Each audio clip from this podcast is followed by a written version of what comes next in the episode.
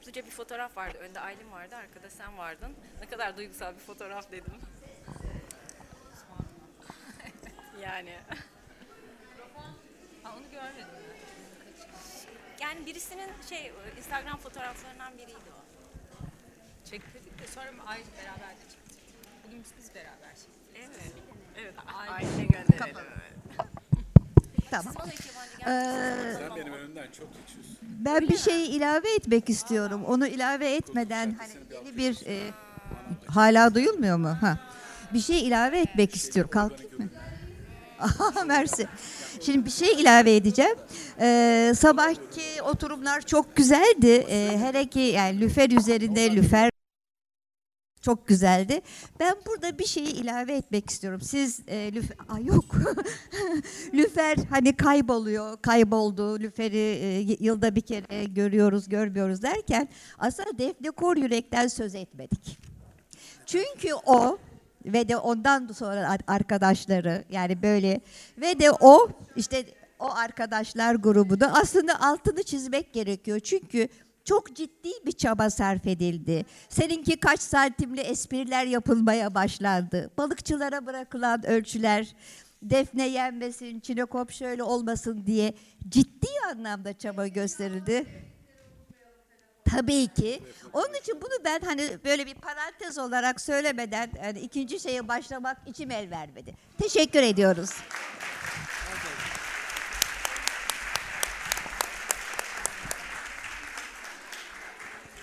Ya şimdi öyle bir şey ki e, ilk söylediklerimden biriydi Defne bu sempozyumu. Lüfer var, Defne'yi konuşturmamam lazım. Çok samimi olduğum için rahat konuşabildiğim için söylüyorum. Yoksa herkes onda hala korkuyor. Balıkçılar da korksaydı iyi olacaktı. Bazıları korkuyor, fena değiliz gene. Hala satmayan yerler var. İşte evet bulamıyorlar. Bu sefer de palamut yok şeyden buzluktan çıkartıyorlar. Aa bu sene tuttuk falan diyorlar. Benim esas balıkçılar anlatıyor bana yok gidiyor. Onun için sana yedirmiyoruz. Ee, evet. Defneciğim. Hadi bir alkış. Nasıl? Ee, evet. Yani o, o halde lütfen herkes e, kendine de kocaman bir sarılsın. Çünkü bu sadece birinin söylediğiyle olan bir şey değil. Hepimizin duyduğu, hepimizin parçası olduğu bir endişeyle, el birliğiyle yapmaya gayret ettiğimiz şey. Bazen lider var gibi görünüyor. Birisi öne çıkıyor, konuşuyor gibi görünüyor. O bir kişi falan değil. Bu sıranın hepsi zaten o ekibin parçası. Orada öyle. Sizler hepiniz öyle. Herkesin içinde kalmış minicik birer tohum var lüferden. Ondan sonra kuzey ormanları oldu. O ondan sonra e, içi doldurulan denizler oldu. O ondan sonra gezi oldu. Bu böyle bir şey. Bu şehre, bu coğrafyaya, bu coğrafyanın bereketine, bu coğrafyanın bekasına ve dolayısıyla kendi bekamıza biz lüferle tutunduk. Hepimiz tutunduk. O yüzden eğer bana böyle küçük bir isim veriliyorsa hepimiz için veriliyor. Anca beraber kanca beraber derdi Sarıyerli Erto dedem. Aynı şeyi söyleyeceğim sizlerle. Anca beraber kanca beraber. İyi ki varsınız.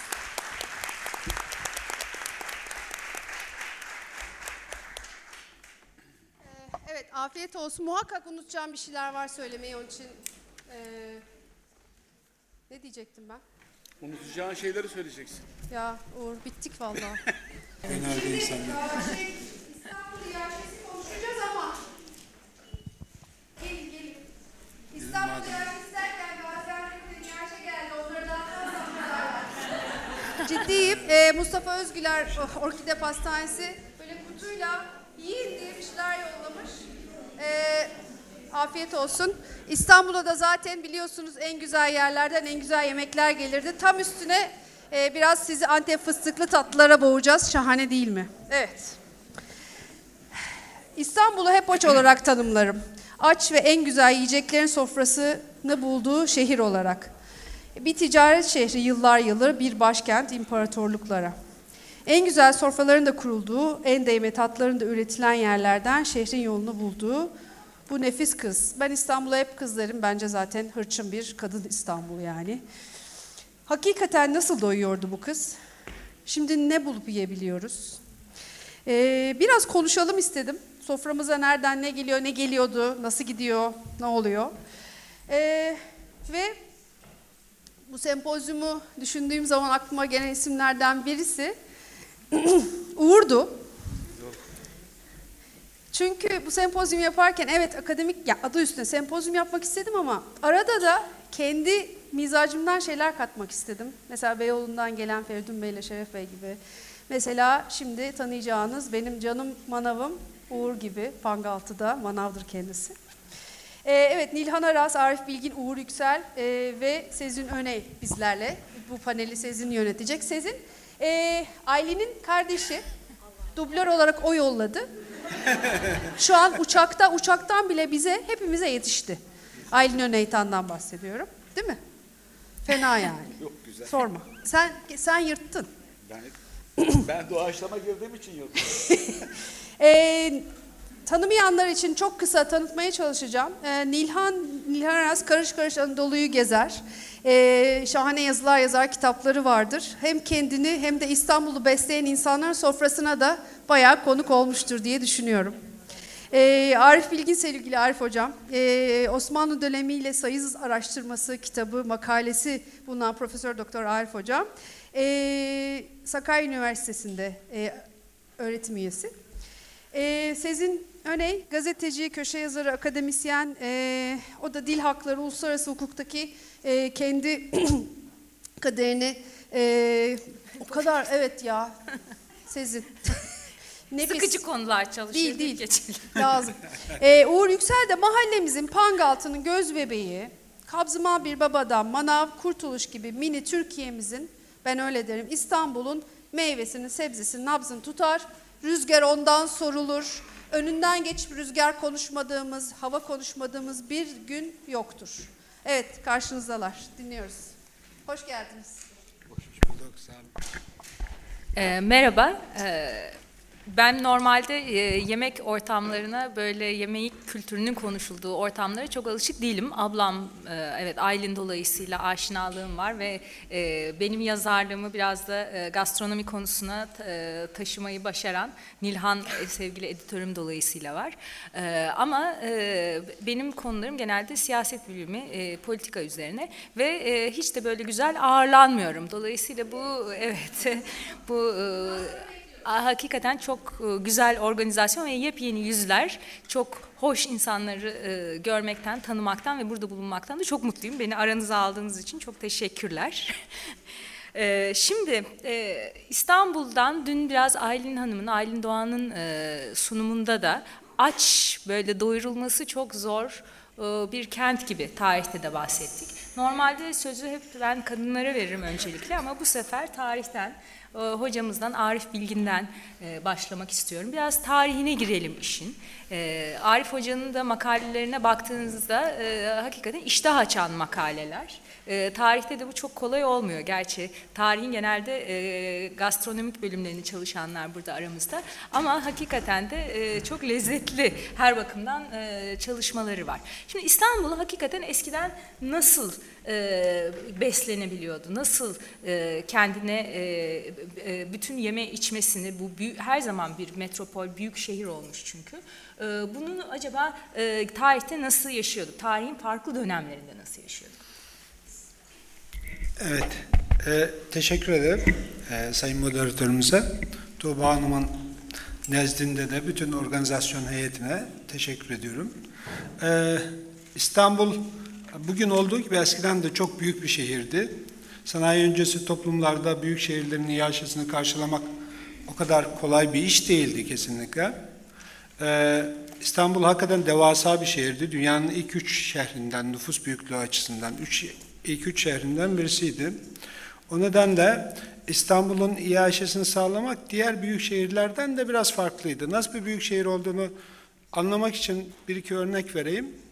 İstanbul dönemi için 16. yüzyıl, 17. yüzyıl için söylersek yani yaklaşık olarak 400 bine ulaşan bir nüfustan bahsediyoruz. Hatta 17. yüzyılın sonlarına geldiğinde belki 500 bine yakın bir nüfustan bahsediyoruz.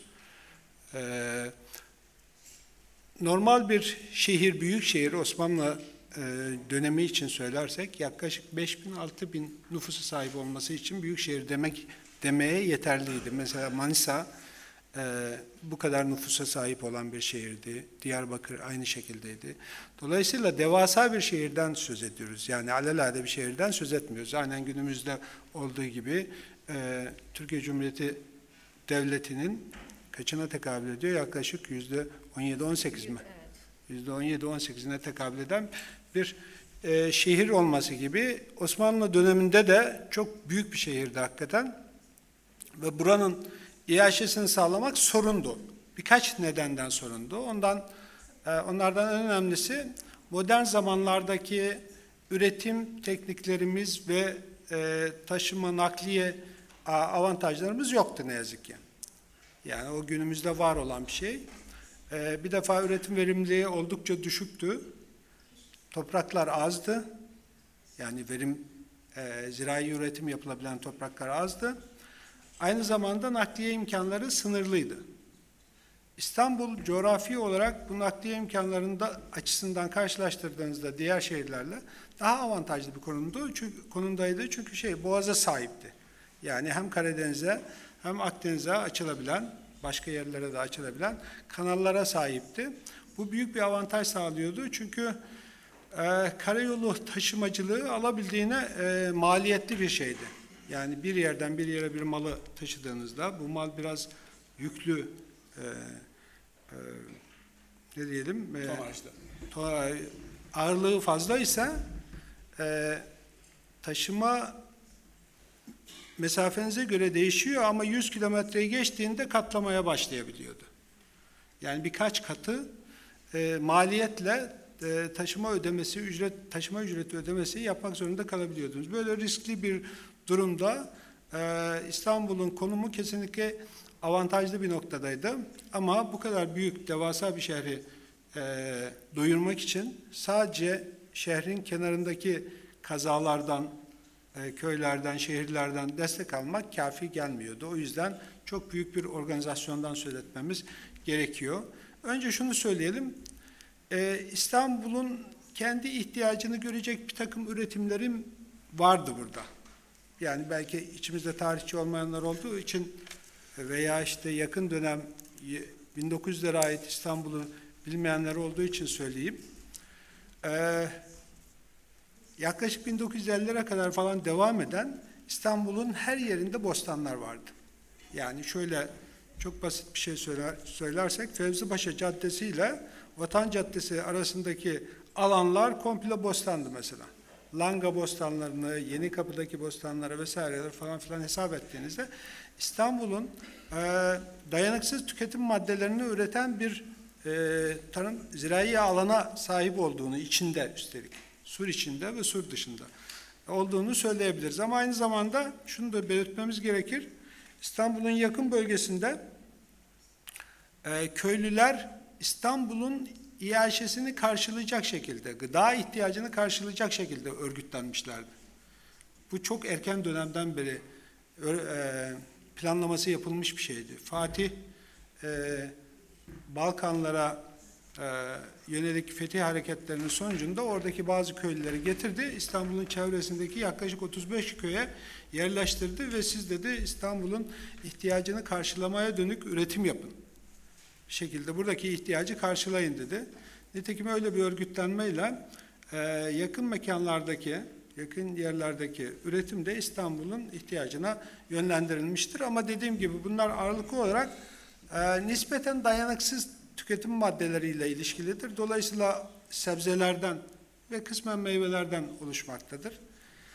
Fakat İstanbul nüfus fazlalığı ve e, nüfusun üreten değil daha çok tüketen nüfus olması dolayısıyla e, dışarıdan ihtiyaç duyduğu mallara herhangi bir şehirden daha fazla e, gereksinim duyuyordu. Yani daha fazla e, ihtiyacı oluyordu. E, niye? Çünkü İstanbul'un içerisinde yani hakikaten üretim yapabilen sınıflar çok sınırlı ama bunun dışında işte askerler var çok epeyce bir yani 60-70 bine ulaşan toplamda.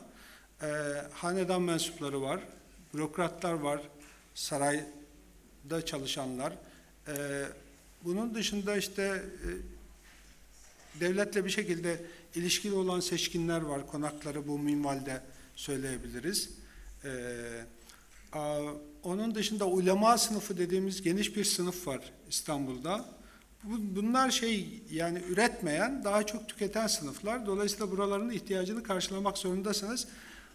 Bunun e, yani bu kesimlerin en az yani yüzde yirmilik falan bir dilime tekabül ettiğini en az bilmemiz lazım. Bunu da yani herhangi bir delile dayanmadan söylüyorum ama en azından bu kadar olması lazım. Dolayısıyla bu kadar geniş bir çerçevedeki şehrin ihtiyacını karşılamak için ee, yine geniş bir e, çerçevede İAŞ planlamasını yapmak zorundasınız. Bunu zorlayan birkaç neden var. Onlardan bir tanesi bir defa İstanbul'a mal gelecekse, zaten şunu söyleyelim öncelikle, İAŞ söz konusu olduğunda devletin üzerinde ısrarla durduğu nokta piyasaya giren mal arzını yani İstanbul pazarlarına giren mal arzını alabildiğine geniş tutmak ve fiyatının mümkün olduğunca minimum düzeyde tutulmasını sağlamak. Bütün planlama bunun üzerinden gitmiştir. Ee, Bu temel hedefi gerçekleştirmek için gitmiştir. O yüzden çok basit bir şey söyleyeyim. İstanbul'a mal gelirken İstanbul'daki fiyattan daha yükseğe satan bir yer olmasını istemez devlet. Mesela 16. yüzyıldaki planlama çok basit bir şekilde böyledir. Ee, Edirne'deki fiyatlar İstanbul'dan düşük olmak zorunda. Çünkü mal gelirken orada, orada kalabilir, risk var. İstanbul'a getirmesini bekler. Bu tür önlemler almıştır. Zorlayıcı önlemlerin yanında bu tür teşvik edici önlemler de almıştır. Ee, Osmanlı Devleti yöneticileri. Ee, dolayısıyla e, İstanbul'un ihtiyacını e, çok geniş bir coğrafyadan karşıladığını söyledim ve İstanbul'a bir şekilde mal, mal akışını sağlamak zorunda olduğunu söyledim. Devlet bizzat bu işi denetim altında tutuyor ama şunu söyleyelim, devlet kendi başına bu İHŞ'yi sağlamıyor. Yani yüzde 75 civarında, yüzde 75 oranında e, özel sektöre bu işi yaptırıyor, özel teşebbüse yaptırıyor. E, İmparatorluğun dört bir tarafından e, mal geldiğini söylemiştim. Onun üzerinde biraz daha belki durmak lazım. Bunun e, şeyi yani İstanbul'un mal çekeceği alanların maliyet düşük olması açısından mümkün olduğunca deniz yoluna müsait alanlardan gelmesini bekliyorlar. Çünkü deniz yolu taşımacılığı, nakliyesi e, fiyatları artıran bir unsur değil. Nispeten taşımada maliyeti en fazla düşük olan e, alandır. Oysa karayolu taşımacılığında iş tam tersinedir. Deniz yolu mesafesinde bir karayolu taşımacılığı bazen malın değerinin 8, 10, 15 katına çıkabiliyor. Ama deniz taşımacılığı mesela Mısır'la İstanbul arasında düşündüğümüzde malın değerini aşmıyor. Malın kendi değerini aşmıyor. Dolayısıyla deniz yolu taşımacılığına müsait olan alanlardan ağırlıklı olarak seçilmiştir. Ama İstanbul dediğim gibi e, sadece sıradan insanların yaşadığı bir yer değil, seçkinlerin de yaşadığı bir yer olduğu için bazen taşıma maliyetine bakılmaksızın karayoluyla taşınacak olmasına rağmen uzak mekanlardan karayolu vasıtasıyla e, transferlerinde yapıldığını söyleyebiliriz. Şeyleri tedarik alanlarını da kısaca belirteyim mi yoksa farklı bir şeyle mi? Ee, İsterseniz istiyorsanız e, bir bugüne bir dönelim. Olur. birazcık da e, günümüzü konuşalım. Ee, günümüzün pratiğini konuşalım. Ee, neler yaşanıyor? Ne, ne- siz ne yaşıyorsunuz? Ee, bir e, bu işin tamamen iç- içinde olan bir insan olarak 24 saatiniz nasıl geçiyor diyelim. Ee, siz tedariği nasıl sağlıyorsunuz? Ee, neler yapıyorsunuz? Ve zaman içinde de aynı zamanda burada işte Arif Bey'in bahsettiği e, kilerinden size çağrışım yapan var mı? Geçmiş ve bugünü nasıl karşılaştırırsınız? Arif Bey yani doğru konulara Tabii ki. doğru konulara neden vurdu. Yani İAŞ'nin ne zaman tedarik olacağı. Şimdi hububat konuları gemilerle gelebiliyor. Ama taze sebze, taze meyveler daha kısa yerlerden. Uzun yerlerde ucuz meyveler, sebzeler olabiliyor. Ama onları İstanbul'a yetiştirmek ayrı bir mevzuat. Yani e, dediği gibi hani gemiyle gelir, eskiden hani biz 1970'lerde çocukluğumuzdayken Karadeniz bölgesinden yahut da Marmara bölgesinden hal Eminönü'nde olduğu için e, takalarla gelirlerdi. Sinop gemileriyle. O zamanki devirlerde onlardı. Yani e, sebzeyi çabuk yetiştirebilmek ve meyveyi çabuk yetiştirebilmek e, şey üzerinden geliyordu. Tekneler yüzünden geliyordu. Yahut da Marmara'dan, e, Marmara'dan nasıl diyeyim, Bursa bölgesinden diyeyim, e, Karacabey bölgesinden diyeyim, yani Ayvalık kısmından diyeyim hani zeytin türü, gemlik, yani bunlar bunlar gemiyle gelen, takalarla gelen İstanbul haline. O zamanki devirlerde 1970'lerdeki senelerdeki durum şimdiye kadar yani 80'lere kadar 80'lerden sonra karayoluyla başladı. Takalar durdu. Yani o ayrı bir sebep oldu ama yolların yapılması, yollar yapıldı, e, köprüler yapıldı. Bu sefer karayolu şeyine geçtik. Yani çabuk iaşeler yetişmeye başladı. Eskiden gemi ancak limana gelecek e, kaç tane sayılı tekneler vardı. Bunlar yetmiyordu. Mecburen karayoluna geçtiler. Karayolundan e, mesela diyelim Silivri tarafından, Edirne tarafından yetişen sebze türü yani yeşillik türü şeyler. Ama uzun dayanacak e, meyveler e, Ege bölgesi, Akdeniz bölgesinden geliyor. E, bunlar dayanıklı olduğu için e, bir gün, iki gün, üç gün dayanabiliyor. Onun için onu karayoluyla çabuk yollayabiliyorlar. E, şimdi bizim en büyük sorunlarımızdan birisi navlun. Navlun dediğimiz yani nakliye. Yani e, bu en büyük dertler. Yani en büyük dert. Ama şimdiki tabii ki bu projeler de yapıldı. Devletin yaptığı güzel projeler de var. İzmir yolu. İzmir yolu üzerinden 4-5 saate indi. Şimdiki e, İstanbul etrafı hep binalarla doldu. En güzel ulaşım karayolu ulaşımıydı. Bu İzmir yolu ulaşımıydı. Bunu da gerçekleştirdiler. Yani Allah razı Yani iyisiyle kötüsüyle tabii ki.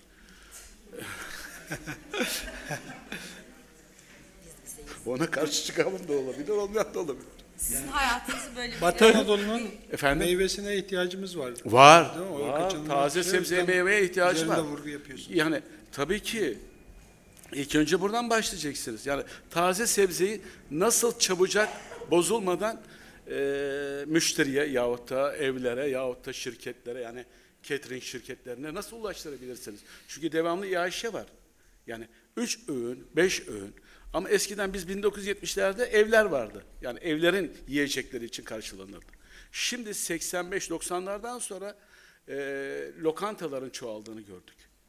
Yani e, lokantalar çoğalınca evlerdeki yemekler, analarımızın hani o zaman küçük yaştaki ev yemekleri, normal yemekler bitti. Şimdi hep çoğunlukla peşamal soslu yemekler yiyorlar. ya hayır yani yemeğin ayıbını örtüyorlar. Ben ben buna katılıyorum biliyorum. Bilmiyorum. ben yani şey olarak tat uzmanı olarak bilmiyorum. Beşamel sosu icat olduğu yiğitlik. bozuldu Yiğitlik bozuldu bence. Bence yemek değil. Doğruluk da değil. Yani buna hangi ağaçı karşıma çıkarsa çıksın Söylerim. Karayolları bir kere hayatımızı değiştirdi. değiştirdi. bu, e, bu anlamda. Tüketim alışkanlıklarımızı da değiştirdi mi? Yepyeni şeyler mesela. e, Tabii çok şey var. Çok şeyler girdi. Mesela doğada eskiden e, bizim e, organik ürünler ancak köylüler tarafından 5 kilo 10 kilo geliyordu. Şimdi e, doğaya bizim insan tabii insan en değerli varlık olduğu için bütün doğadaki canlıların mallarını en güzel alabilen kişiler olmaya başladı. Doğadaki yani yaşayan varlıklara e, hepimiz yani ben de olayım, e, siz de olun, herkes herkes için geçerli bu. Doğaya canavarlaşıyoruz. Yani doğanın bütün mallarını toparlayıp yani değişen mallar için söylüyorum. Yani ne gibi değiştiniz dediniz ya organik ürünler olarak. Onları toplayıp İstanbul'a yetiştirmeye çalışıyorlar şimdi. E, Birinci kural bu. İkinci kural da şu. e, de- yani nasıl ulaştırıyorlar dediniz de. e, yani yemek yemek dur şeydi unuttum. Allah. Peki siz e, bütün bu mesela yaşadıklarınızdan, kendi anılarınızdan mesela neler var? E, ba- başınıza gelen bütün bu işte İstanbul'da bir şeyi tedarik ederken başınıza gelen enteresan olaylar vesaire e, böyle şeyler var mı? Pratiğini yaşadığınız için. E, tabii, tabii. E, Şimdi e, bazı mal mesela biz hem yetiştiriciyiz hem hale e, yollarız malımızı hem de e, tezgahımız var. Tezgahımızda belirli ürünler Her var ama yani bu işte. bu işin her tarafındayım. Yani her tarafını görmüşüm. Çünkü ben 50 senede bu yaşantının içindeyim. Yani 8 yaşından beri şeyin içindeyim. Bu yaşantının içindeyim. Yiyecek yaşantısının içindeyim. Çünkü hem üretimde köyü gördüm. İstanbul'un çevrelerindeki köyleri gördüm. Babam Kabzamalı olduğu için. Ee, onunla beraber gittim. Yetiştiriciliği gördüm. O zamanki araç gereçlerin ilkel olduğu zamanlardı. Şimdiki teknoloji çok gelişti. Ee, eskiden Arif Hocam'ın anlattığı gibi e, hani sur kenarlarında sebzeler, meyveler ekiliyordu. Şu, şunu söyleyeyim. Eskiden biz domates toparlardık. Yani domates ekel bir şeydir. Yani kurtlu, çürüklü. Eskiden sağlam bir mal yoktu. Yani İstanbul'u yetiştirmek öyleydi. 1975'ler, 70'ler öyleydi. Ama şimdi mal parlak, güzel ama lezzet yok. O zamanki çürük mallar lezzetli. Yani çürük mallar değil, güzel mallar. Ama yetiştirme tarzı olarak eee, o zamanki tohumlar doğal tohumlardı. Şimdikilerin hepsi hibrit tohumlar. Pırıl pırıl gösteriş var ama ye- yemede lezzet yok. Pişmede lezzet yok. Yani ne çiğini yiyebiliyorsun ne pişmişini. Ha şunlar var. Mesela tohumların içinde çeşitlilik var. Ee, çok değerli tohumlar var. e, pahalı. Ucuz tohumlar var. Yani ucuz tohumlar ne diyeyim? Ee, fazla veriyor. Yani e, bir kökte mesela 5 kilo 10 kilo mal veriyor ama onun lezzeti farklı. 3 kilo veren kök daha lezzetli.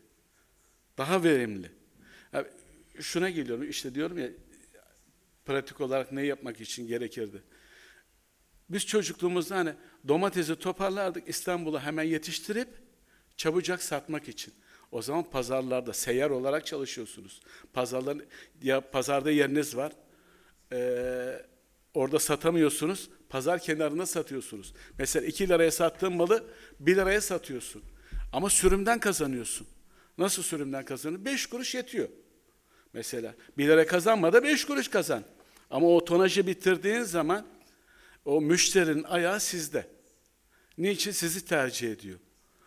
Yani ucuz satılan yer de çok kaliteli olabiliyor. Pahalı satılan yer de çok kaliteli olabiliyor. Pahalı satılan yerde de bazen kötü mal olabiliyor. Ama o günün şartlarına göre mal gelmezse, iaşe olmazsa o günkü e, değersiz gördüğünüz şeyi çok pahalı alabiliyorsunuz. Yani bu malı ne kadar çabuk satabilirseniz o kadar rahat edersiniz. Yani yaşantı olarak. Ee, sebzelerde de bu geçerli, meyvelerde de geçerli, hububatta da geçerli. Yani hububatta da bazen saklıyorlar bazı. Eskiden mesela e, buğdaylarımız çok lezzetliydi. Değişik buğdaylardı. Sonradan bize Amerikan kıtasından değişik buğdaylar geldi. Başak e, serimiz bizim 15-16'larla 25'ler arasındaydı. E şimdi bakıyorsunuz 40'lar, 45'ler, 50-60'lara kadar çıkabiliyor. E, bunun benzetmesi ne gibi olabilir? Hani çabuk büyüyen bir şey fazla olduğu zaman lezzeti yok olur. Nasıl yani ki bir ağaç, ceviz ağacı senelerce dayanabiliyorsa çok zor büyüyor. Bir kavak ağacı da çabuk büyüyen bir ağaç ama çabuk da bitebiliyor. Arasındaki farklar bunlar. Bizim eskiye dönmemiz lazım. Doğru yiyeceklere. Tam da burada Nilhan'a döneyim şimdi. Ee, aramızdaki e, tek kadın konuşmacı olarak senin hakkını böyle hiç yemiş olmak istemem e, çünkü. Ee, biraz şehri de çok değişti. Ee, çok hızlı değişiyor. Ee, aslında İstanbul'da e, ben de e, aralıklı olarak gidip geldiğim başka şehirlerde de yaşamış olduğum için bazen tanıyamıyorum. Ee, ben işin daha çok mesela kentin e, dönüşümünde benim işim adalet saraylarına vesaire düşüyor diyelim. Yani orada bambaşka mesela yepyeni yapılar oluştu. Ee, Şimdi bir baktığımızda halin de yeri değişti. İşte e, yeni aslında merkezler oluştu İstanbul'da. Ee, Çok parçalı bir şehirden bahsediyoruz. Sen e, İstanbul'un değişiminin nasıl yansıdığını, bütün bu tedarik sürecine düşünüyorsun? Şöyle başlayayım ben. Ee, pratikten gelen, ya hayatın içinde olan ve deneyimlerini anlatacak birisi vardı bu masada. Ee, bu Tuğba ile konuştuğumuz zaman e, sonra belgelerle konuşan, konuşacak olan e, bir başka arkadaşım vardı. Ee, sen şey deneyimli bir gazeteci olarak kim bilir neler soracaktın. Dolayısıyla ben birazcık çalıştım. Her zamanki gibi yani Nilhan. Yok. İşini ciddiye alan Nilhan. Ee, evet. Yani öyle em, çalışmak zorunluluğu hissettim. E, fakat çalışırken e, hayal ettiğim gibi e, iletişim kurdum ama hayal ettiğim sonuçlara ulaşamadım. E, çünkü e, konuştuğum yerlerle de şimdi anlatacağım. E, o, o oraların da elinde derli toplu bir veri yoktu. Yani iki e, sebep olabilirdi.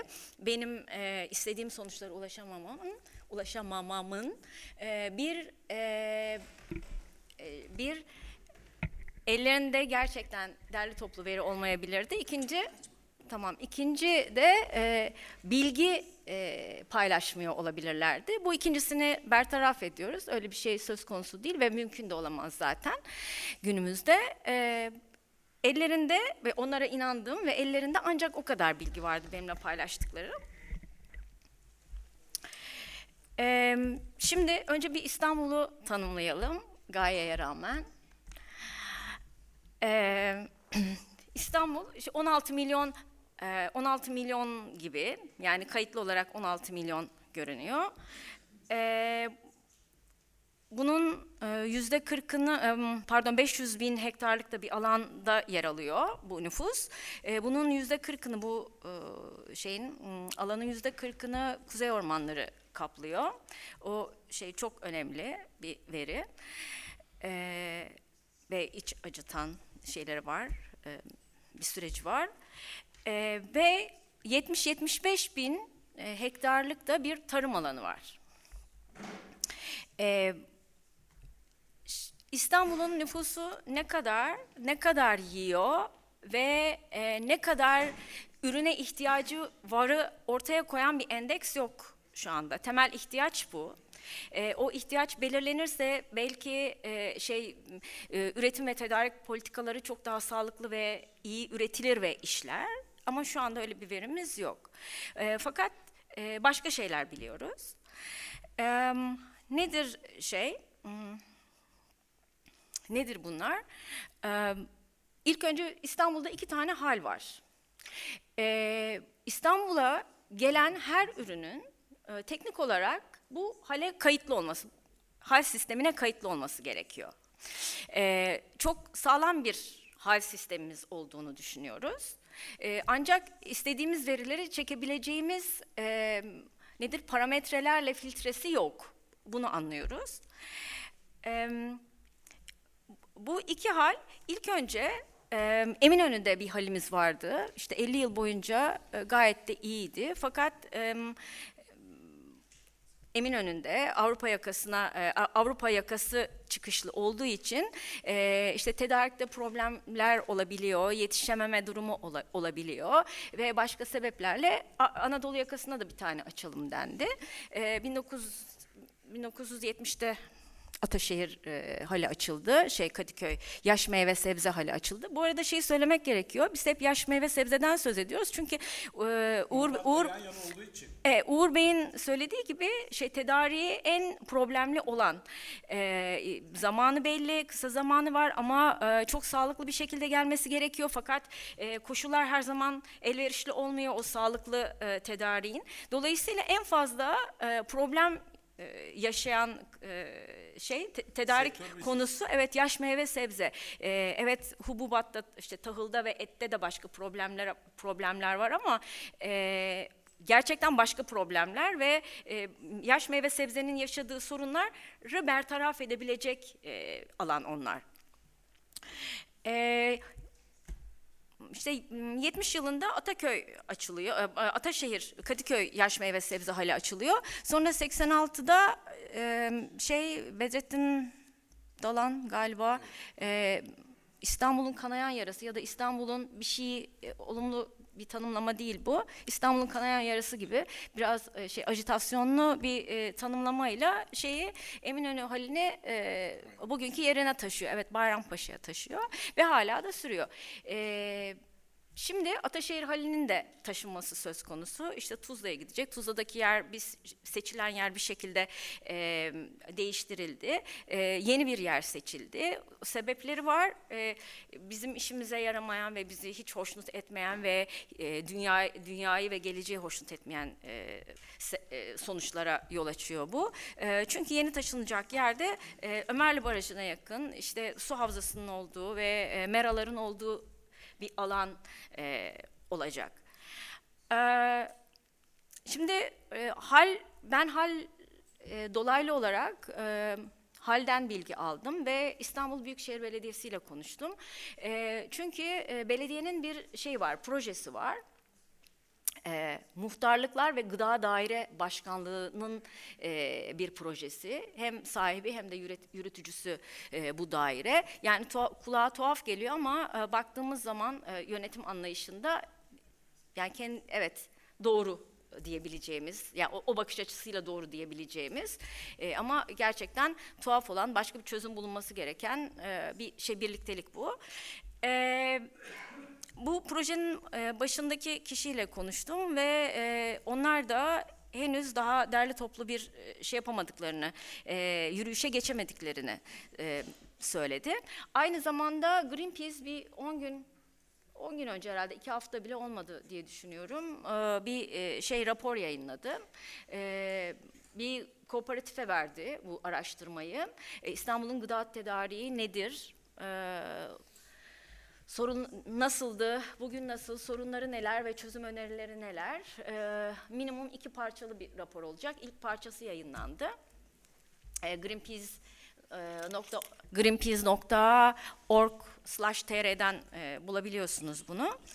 E, çalışanlar da arkadaşlarım ve şey karşılıklı paslaştık zaman içinde ve paslaşmaktayız. E, o da gayet derli toplu, halden daha fazlasını söyleyebilen bir rapor. Ama halin raporlarını, e, halin beyanını esas almamız gerekiyor. Bütün bu şeyde e, çalışmayı yaparken. E, şimdi 2012 yılında e, hal e, yeni bir hal yasası geldi ve e, hal yasası e, hal o güne kadar e, tüketiciyi korurken e, ve aynı zamanda e, Halil korurken e, bambaşka bir alana kaydı. Dedi ki artık e, sadece komisyoncular değil, herkes üreticiden toptan alım yapabilir dedi.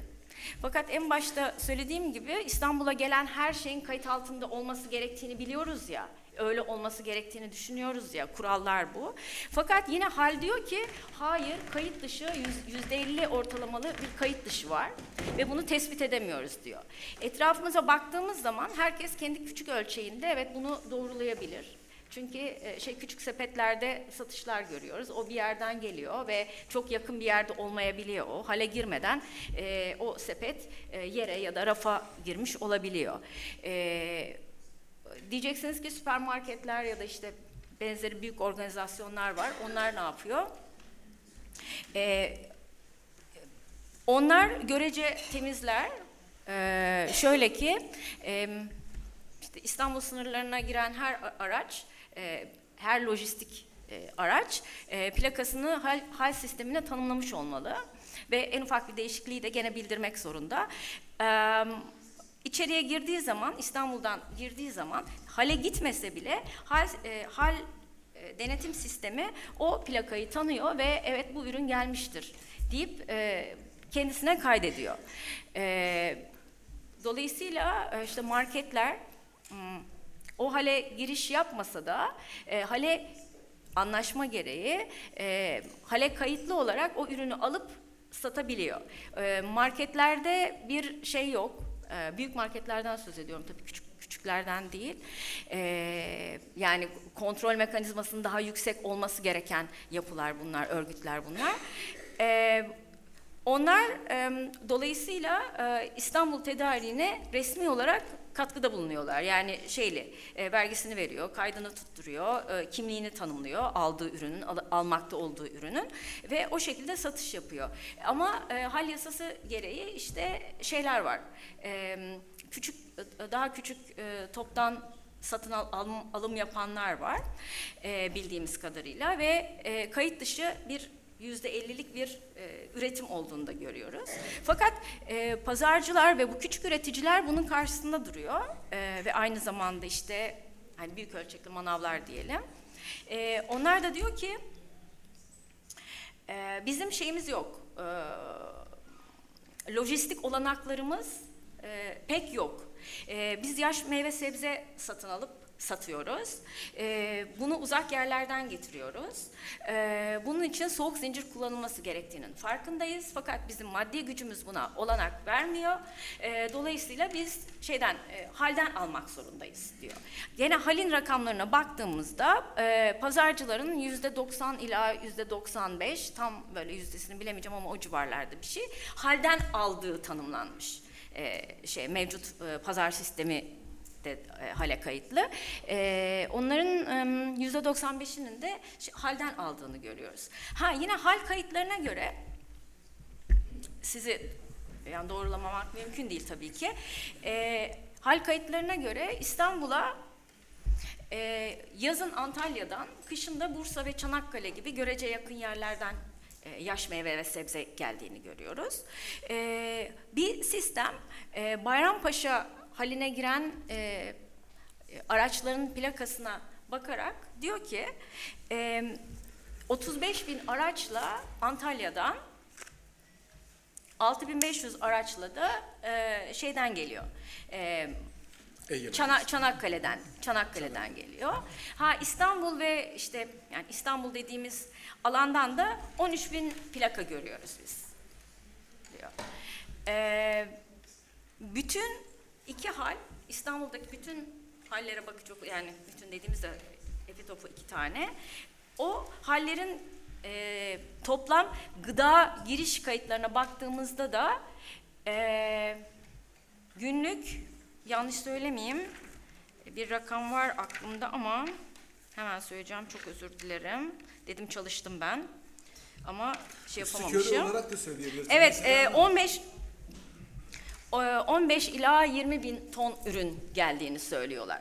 Ama işte bu e, hangi ürün gruplarıdır bunlar? Yani alt kırılımları yaş meyve sebzenin onu veremiyorlar.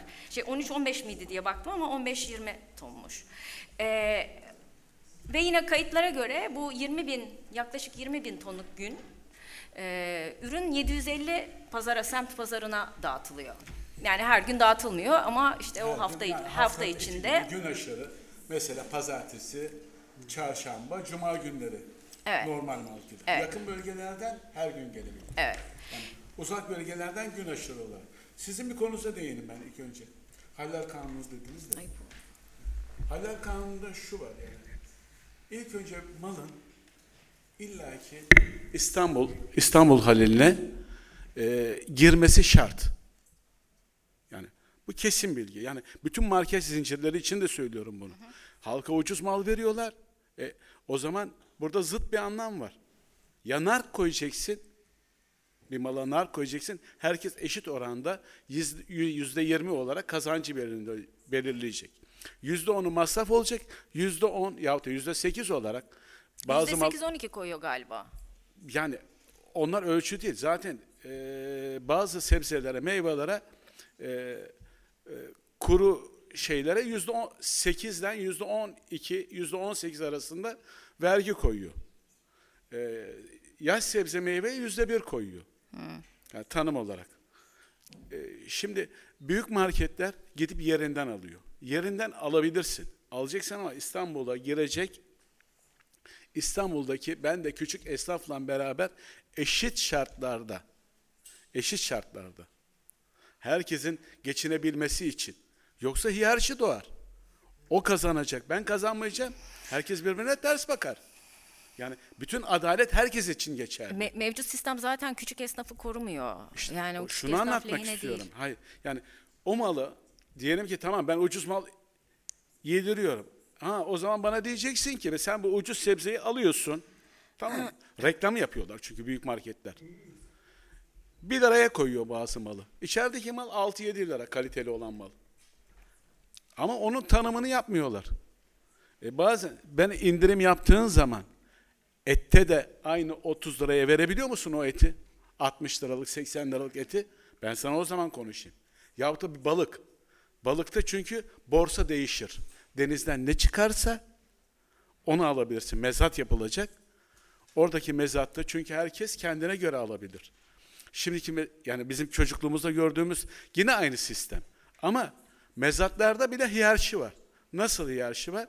3-4 kişi bir oluyor. Birbirlerine göz atıp istedikleri fiyata alabiliyorlar.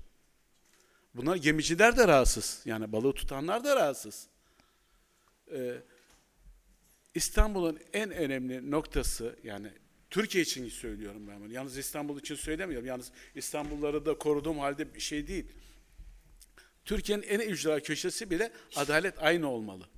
Yani haller kanununda bu fiyat girdiği zaman içeri ya buna nar koyacaksın ya da nar koyarken tabii beş çeşit mal geliyor. Seçme mal geliyor. Birinci kalite mal geliyor. Yani ağaçta baktığın zaman, beslediğin zaman her elma 130 gram gelmiyor ki. 80 gram da gelen var. 210 gram gelen de var. Yani bunları arz talep meselesi. Mesela ölçü nedir? Ee, 150 gramlık en güzeli. Yani 200 gramlık diye güzel bir şey yok. 150 gramlık ölçü olarak lezzet, sululuk, e, gevreklik mesela o grama vuruyor. Öteki e, yani küçük mallar içinde, küçüklerin içinde de tabii ayrı lezzetler var ama daha az lezzet oluyor. Yani şekeri az, suyu az, kuru olabiliyor. Onu gözlemciler boya yapıyor. Yani e, sandığa rafa yaparken e, bunun içinde tabii ki her sandık aynı çıkmıyor.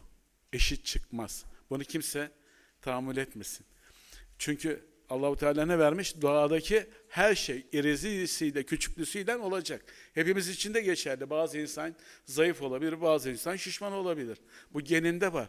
Yani fazla yemekten o kiloyu kap şey yapmıyor. Vücudumuz nasıl tiroidlerimiz çalışmıyor. ne gurmeliğe girdik yine. Yine gurmeliğe girdik.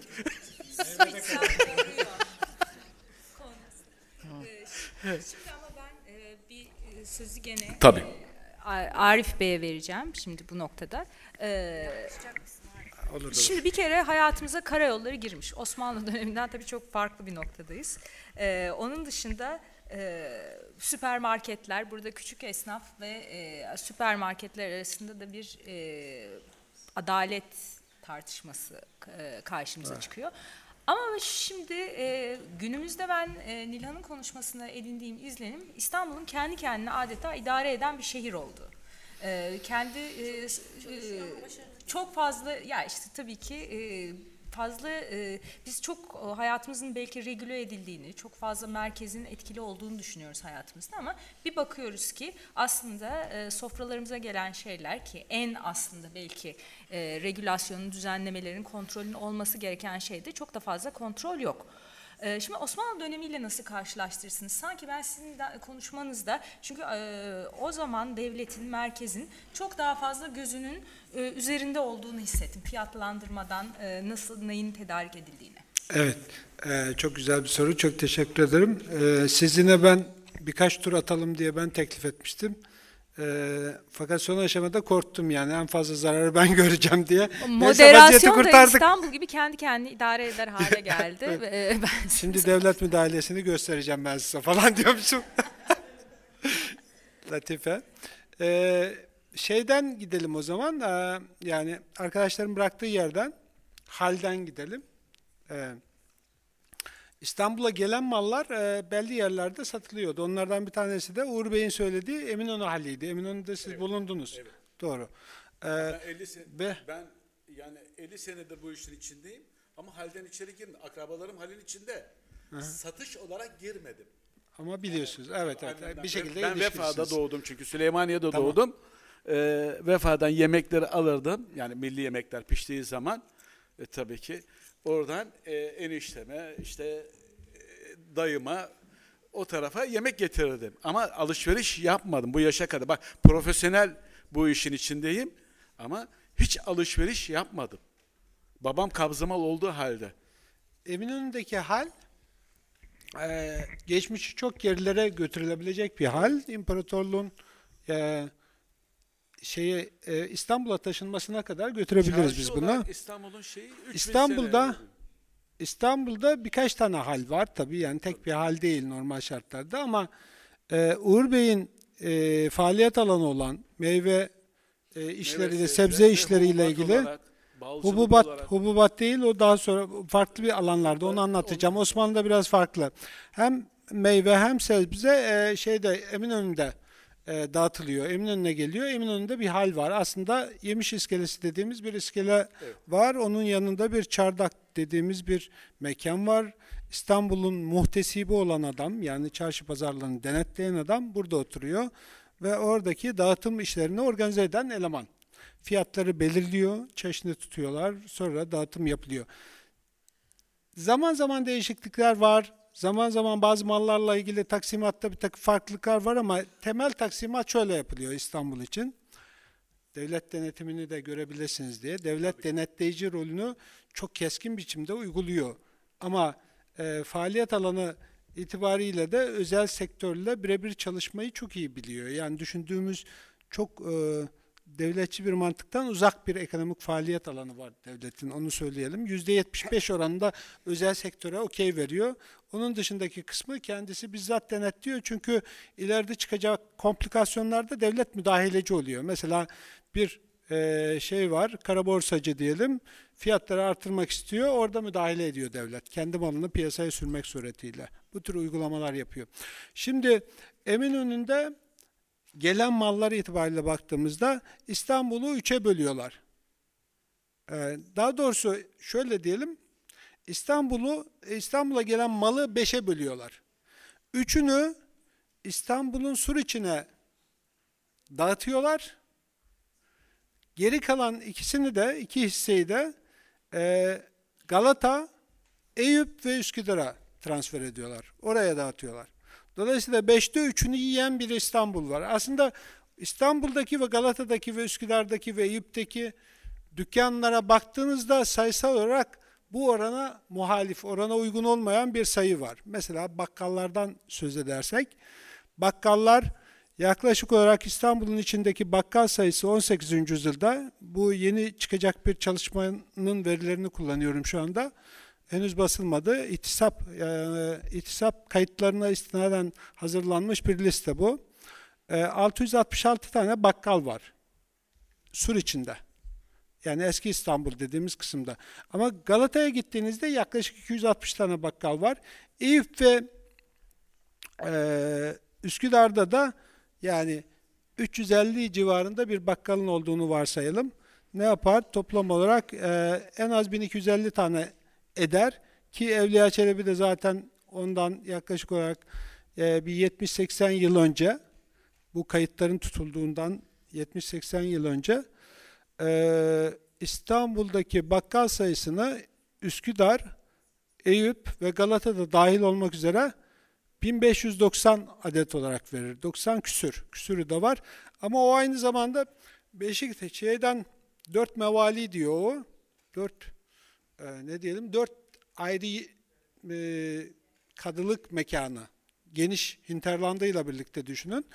Üsküdar'dan Anadolu e, şeyine Hisarı'na kadar e, işte Tophane'den başladığınızda bu sefer de Rumeli Hisarı'na kadar olan bölgeyi de içine alacak şekilde planlamış görünüyor.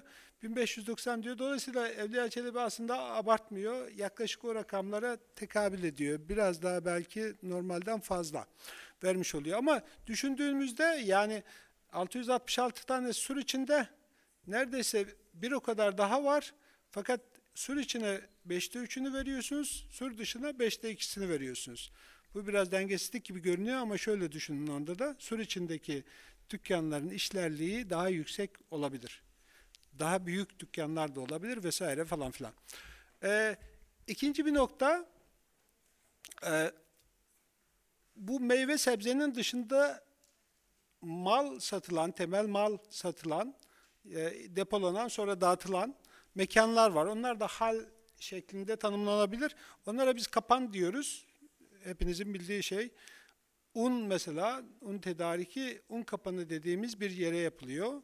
Şu andaki un kapanındaki yer. Orada bir görevli var, naip diye. Sonra onların dışarıdan buğday tedarik eden yazıcılar dediğimiz bir grubu var. O işle uğraşıyorlar falan. Ee, yağ, yağ kapanı var Galata'da. Yağ işlerini yapıyor. Bir de bal kapanı var bunlar. Bu bir dört tane hal diyebileceğimiz kısım. Yani hal dersek hepsine. e, herhalde sorun teşkil Toplu etmez. satışçıların olduğu yer hal olması gerekiyor. Ama yani hepsi de aslında temel ihtiyaçlarımızı karşılayan şeyler. Bir tane et hariç. Ete de üzerinde duracağız. Ee, niye un? Un kapanı dediğimiz şey buğday, arpa e, artık buna benzer tahıllarla ilişkili. Yağ kapanı dediğimiz şey yağ önemli. Ayçiçek yağı falan zeytinyağını da işte biraz geç dönemde kullanmaya, iyice kullanmaya başlıyorlar ama ondan önce tereyağı, sade yağ, yağ kapanı e, o işlevi görüyor. Temel tüketim maddesi. Bal kapanı dediğimiz yerde sadece bal değil, bal ki o zaman çok çok hayati. Şekerin yerine koymanız lazım. Sadece yiyecek olarak düşünmemeniz lazım.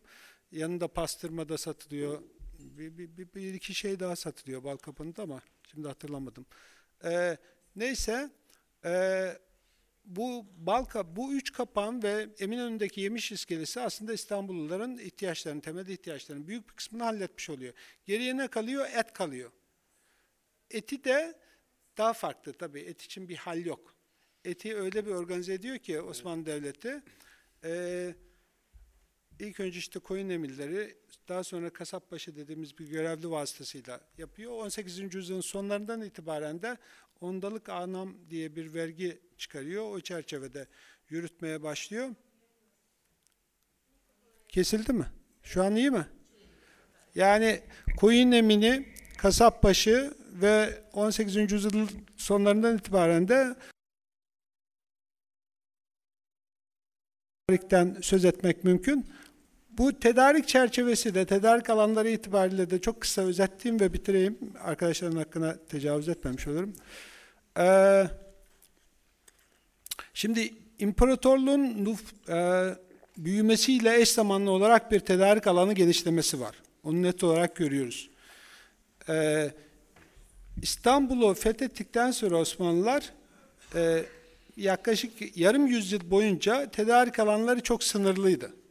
Mesela e, işte Ah yolu, Selanik ve Tekirdağ en önemli üç tedarik alanıydı Osmanlı e, şeyin İstanbul'un.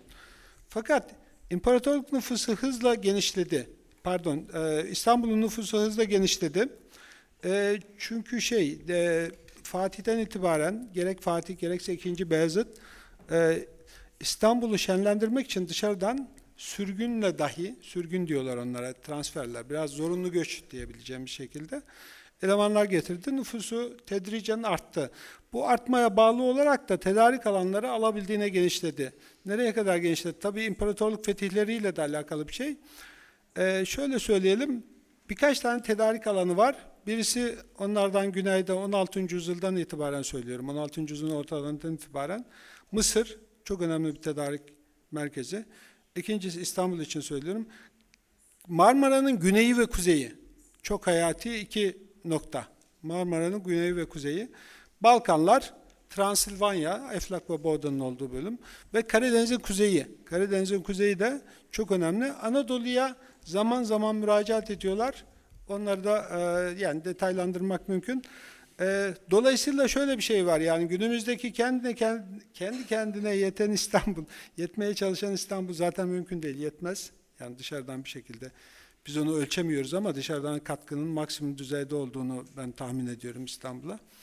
Ee, e, dolayısıyla şey yani kendi kendine asla yetmeyen bir İstanbul var ve çok külliyetli miktarda tahıl, e, et, et için zaten her halükarda dışarıya bağımlı ve ağırlıklı olarak da Eflak ve Odan e, gibi bölgelere bağımlı olarak gelişiyor. Buralardan transfer yapmak zorundadır. Onu da e, yani yakın vakte kadar devam ettiriyorlar. Sistem ne zaman değişiyor derseniz klasik dönem için ben anlatmış oldum. 18. yüzyıl sonlarından itibaren iş biraz değişmeye başlıyor. Zahire nezareti dediğimiz bir nezaret kuruluyor. İkinci Mahmut dönemine kadar yaşıyor. Ondan sonraki süreçte de arkadaşlardan bazıları ilerleyen vakitte belki çalışabilir bu konuyu. Ee, nazırlıkların yani bakanlıkların kurulmasıyla birlikte 19. yüzyılın ilk çeyreği sonunda e, pardon ikinci yarısına girerken e, İAŞ nezareti dediğimiz bir nezaret bu işi üstleniyor ve İstanbul'un İAŞ'siyle onlar ilgilenmeye başlıyor. Kısaca böyle. Ee, zamanımız hızla azalıyor. O yüzden e, Nilhan ben senin ikinci söz hakkını da yemek istemiyorum. E, çok kısa bir şeyi alalım. Çok da çalıştığın için e, çok aslında konuşacak çok şey var. E, İstanbul hızla kendi tarım alanlarını kaybeden bir şehir e, ister istemez. Kuzey ormanları, bütün yeşil alanlarını kaybeden bir şehir. E, bostanları tabii ki artık tarih. E, şimdi e, burada e, e, İstanbul artık kendine hiçbir şey üretemeyen bir şehir haline mi gelecek? Ona mı gidiyor? E, bir bunu sorayım. Bir de aklında kalan başka şeyler varsa sen kendin söyle ve sorulara geçelim ondan sonra. Uğur Bey'in de olacak herhalde. Ee, o arada Bilmiyorum. ikinci defa girdi. Girdim tamam. tamam. ben, tamam. tamam. tamam tamam. Ee, şey hmm, şimdi kentleşme önemli bir hoşluk ve önemli bir problem. Ee, iki, iki şeye baktığımız zaman şöyle yakın geçmişe baktığımız zaman e, 2000'li yıllardan itibaren şeyin sanayileşmenin gittikçe arttığını, hızlandığını gö e, 2000'li yılların başından itibaren İstanbul çeperlerinde sanayileşmenin gittikçe arttığını görüyoruz. Bu neden önemli? Çünkü e, İstanbul'un tedariği e, o güne kadar ve hatta şimdilerde de öyle normal işte şehir mantığı sebebiyle şehrin etrafında e, oluyordu. Çeper dediğimiz kısımda oluyordu. Fakat e, göç, e, işte nüfus artışı ama o nüfus artışının sebepleri var. Göç de bunlardan bir tanesi. Ve dola, dolayısıyla e, inşaat alanlarının artması. Buna bir de sanayileşme yani o insanın oradaki insanın istihdamı için ve daha fazlası için sanayi alanlarının e, inşası ve bunun artması e, kentin çeperlere doğru gelişmesine yol açtı.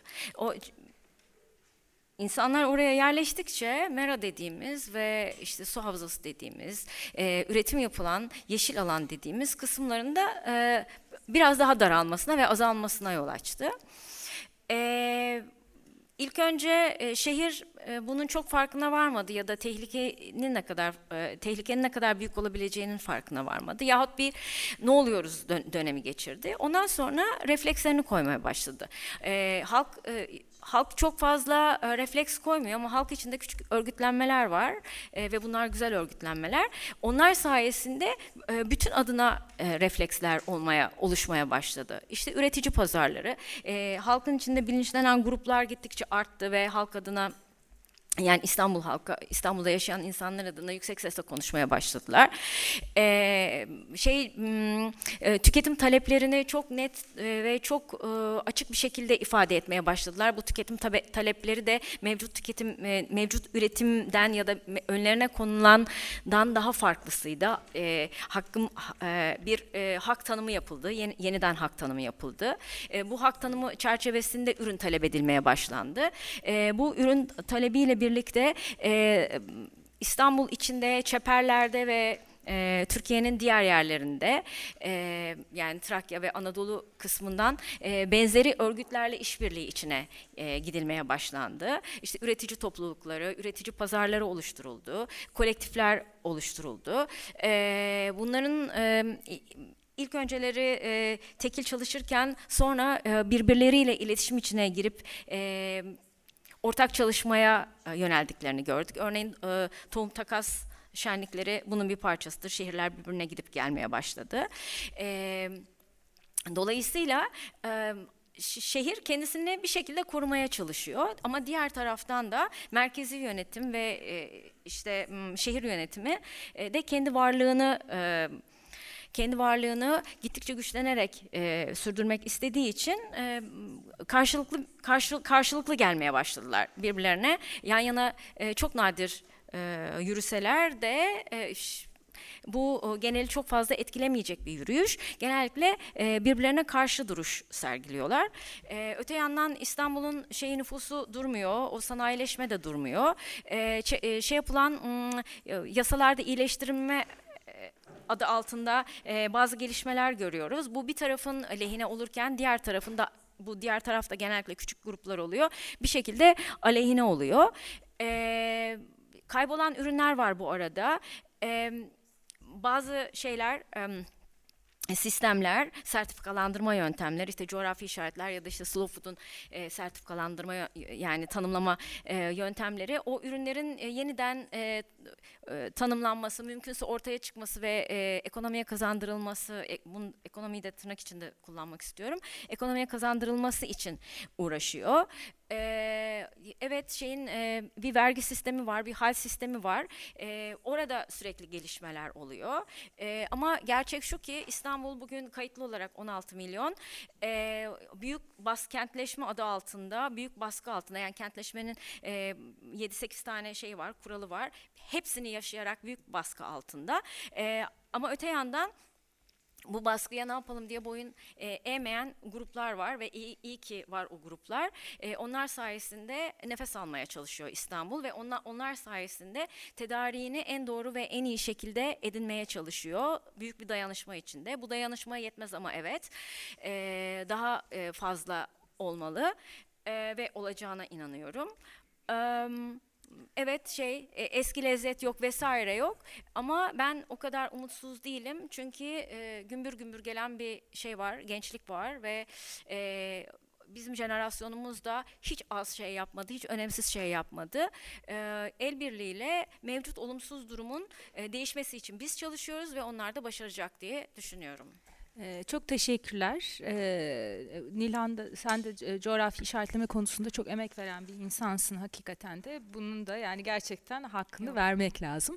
Ee, şimdi sizlere dönelim. Ee, sorularınızı alalım. Çok fazla vaktimiz yok o yüzden e, Var mı Evet. Tuğba bir şey diyor ama vaktimiz var mı ki?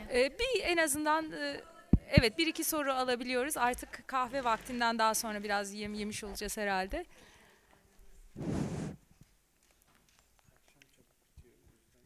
Teşekkür ederim. Ee, yaş sebze meyveden bahsettiniz, hububattan bahsettiniz, etten bile bahsettiniz ama Osmanlı zamanında ben tabii sütçü de olduğum için olabilirse çiğ süt ve dağıtımına dair de bilgilerinizi paylaşırsanız çok sevinirim. Bu soru evet size doğrudan gitmiş gibi Aa, gözüküyor. Ya süt ürünleriyle alakalı, sütle alakalı ve sütün sütün kendisiyle alakalı. Ya erken dönem kayıtlarında aslında bu işin nasıl yapıldığını biz bulamıyorduk ne yazık ki. Sıkıntı vardı. Yani pazarlarda süt satıldığını biliyoruz ama bu süt nasıl geliyor, hangi organizasyonla geliyor falan diye. Ee, şimdi yeni bir çalışma çıkacak. Bir aksilik olmazsa onun içerisinde de var. E, 18. yüzyıl ve 19. yüzyıl kayıtlarını içeren 1770'lerden 1860'lara kadar olan bir piyasa düzenleme defteri diyelim. Onda sütün nasıl tedarik edildiğini anlatıyor. İstanbul'un e, Silivri'ye kadar olan kısmını üçe bölmüşler. Üç katmanlı ve ona göre fiyatlandırma yapıyorlar. Oradan kimlerin süt getireceği de belli, nasıl getirecekleri falan da izah ediliyor ve İstanbul şehri içinde bu sütleri satıyorlar, satışına izin veriyorlar. Fakat bununla ilgili çok açık bir şekilde düzenleme var. Süt İstanbul'a yakın yerden geliyorsa daha ucuza satılıyor. Orta yerden geliyorsa işte bir diyelim o zaman için e, bilmem e, bir kuruş fazladan satıldığını varsayın. Şimdi rakamları hatırlamıyorum tam olarak. E, diğer üçüncü bölgeden, üçüncü zondan geliyorsa da bir kuruş daha fazla ekliyorlar. O şekilde satıyorlar. Planlamayı ona göre yapmışlar. İşte bazı kayıtlardan, düzenlemeye ilişkin hükümlerden e, işte neyin içinde getirdikleri katırla mı getirdikleri, başka şeyle mi getirdikleri bunların detayları da mevcut. Öyle bir bilgi, bir, yani önceden çok fazla ne yazık ki bilgiye sahip değildik ancak bu kadarla şimdilik yetiniyoruz. Ee, bir soru daha alabiliriz eğer varsa.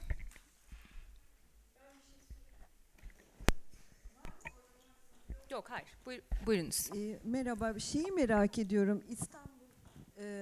İstanbul'da hiç üretim var mı? Yani İstanbul kendini yetebilecek bir ürünü yetiştiriyor mu? İşte Langa vardı, Yedikule e, marulu vardı. Herhalde onlar yok oldular. E, Kime soracağımı bilmiyorum. Kime. Ee, Uğur Bey ve Nilhan'a da Ee, bir, bir, şey bir sorum daha var. bu konuda. Şimdi dünyada bu iklim değişikliği biliyorsunuz var ve şu trend var şehirlerde yakın mesafeden ürünler. Yani şeye benzine havayı kirletmeyeceksiniz. Öyle bir trend var. Öyle bu trendten bu İstanbul'da böyle bir şeyden haberdar mısınız? Ben, ben teknik olarak bir şey söyleyeyim. Siz- Siz şeyden, e, pratikten söz edin. Ya e, İstanbul'da üretim var ama tabii ki 16 milyondan söz ediyoruz. Fantazi. E, mümkün değil. E, hatta işte e, 10 şehirden İstanbul'a ürün geldiğini, yani Bayrampaşa haline e, yaş meyve sebze geldiğini söyledim. E, o- bile zaman zaman yeterli olmuyor. Kaldı ki seraya, sera ürününe başvuruluyor sürekli olarak. E, orası öyle. Evet 2010'dan bu yana e, işte üret, m, bu senin söylediğin e, konular e, daha çok konuşulur oldu. Biliniyorsa da bundan sonra e, o tarihten itibaren daha yüksek sesle e, ve çok geniş volümlü e, konuşulur ve tartışılır hale geldi. Şeyde m, özellikle üretici pazarlarında özellikle üretici pazarlarında evet o sıfır kilometre şeyi çok önemli. E, tedariği çok önemli olmaya başladı. Ve bunu da şöyle çözüyor e, nedir hmm, aktörler. E, bu kadar var, bu kadar getirdim. Ne alabiliyorsan. Bunlar büyük ölçekli e, şeyler, üretimler, büyük ölçekli tedarikler değil.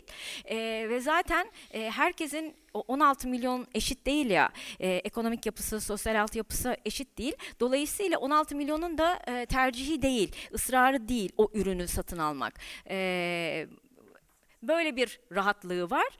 E, dolayısıyla kim önce gidiyor ya da kim haberdar oluyorsa o o ürünü olabildiğince e, şey dar alanda, dar kilometrede den tedarik edilmiş ürünü alıyor. Ama bunun sayısı gittikçe artıyor. Yani e, işte tüketici de gittikçe bilinçleniyor ve işte e, sıfır kilometre istiyorum demeye başlıyor ya da her neyse.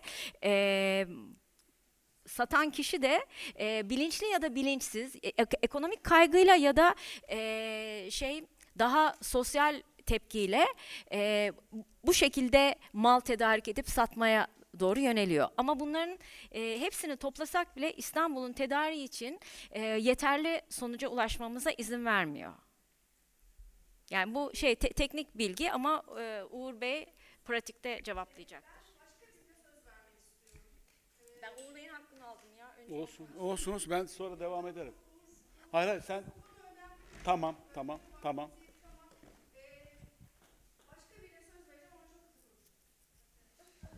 Ya ç- kısa bir konu değil. Ee, biz uzun zamandır beraber çalışıyoruz bu gıda ile ilgili Erdem'le. Ee, reklam yapmadan anlat. Tamam. Ee, işim gereği ben son dönemde e, birçok çiftliği dolaştım. Özellikle Marmara bölgesini. Ş- bu konuyla ilgili İstanbul'da tarım yapılıyor mu, yeterli arazi var mı konusunda biraz bilgi sahibi oldum. Biliyordum da. Şile'de yaklaşık 53 köyde yapılıyor. Beykoz, Çatalca çevre- çevresinde yapılıyor. Ve ayrıca Marmara bölgesinde yoğunlukla yapılıyor. Hem organik tarım hem de ilaçsız tarım. Ee, bence hepsini karşılayamasa bile sera ürünlerini İstanbul'un büyük kısmını besliyor bu bölgeler. Ayrıca e, bir şey var. E, hem tarım yapılmaya devam ederken hem ürün kalitesi buraya ulaşana kadar düşmüyor. Bu da imha oranlarını çok azaltıyor. Normalde %25'lerde bir imha oranı var. Taze sebze meyvenin yakınlardan gelen tedariklerde bu oran %10'un altına düşebiliyor satıldığı için. E, başka ne söyleyebilirim bilmiyorum bu konuda.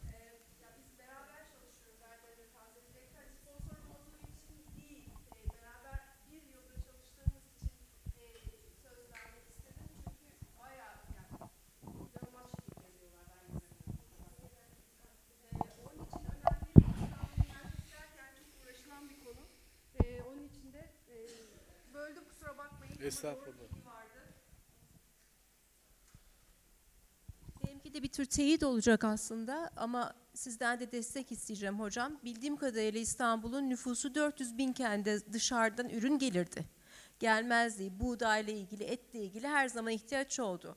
Ama İstanbul'un aç kalmaması ile ilgili bakıyorsak, yani illa ekmek yememiz, illa et yememiz gerekmiyorsa, çok daha farklı bir spektrumdan kendimizi doyurmaya niyetleniyorsak, rantı başka türlü görüyor olmamız gerekiyor. Yani metrekaresinden bilmem ne kadar kazanacağımız plazalar, e, apartmanlar değil de bostanlar düşünüyor olmamız gerekiyor. İstanbul benim çocukluğumda sular şehriydi. Her yerde su vardı, dereler vardı. Dolayısıyla problemi yoktu. Balıkçılık önemliydi. Hala en büyük Ha, en manda büyük önem popülasyonu burada. Sebzeden çok balıkçılık. Dolayısıyla biz aç kalmazdık. Ee, dışarıya da bu kadar yani sıfırda 50 kilometrelere gerek yoktu.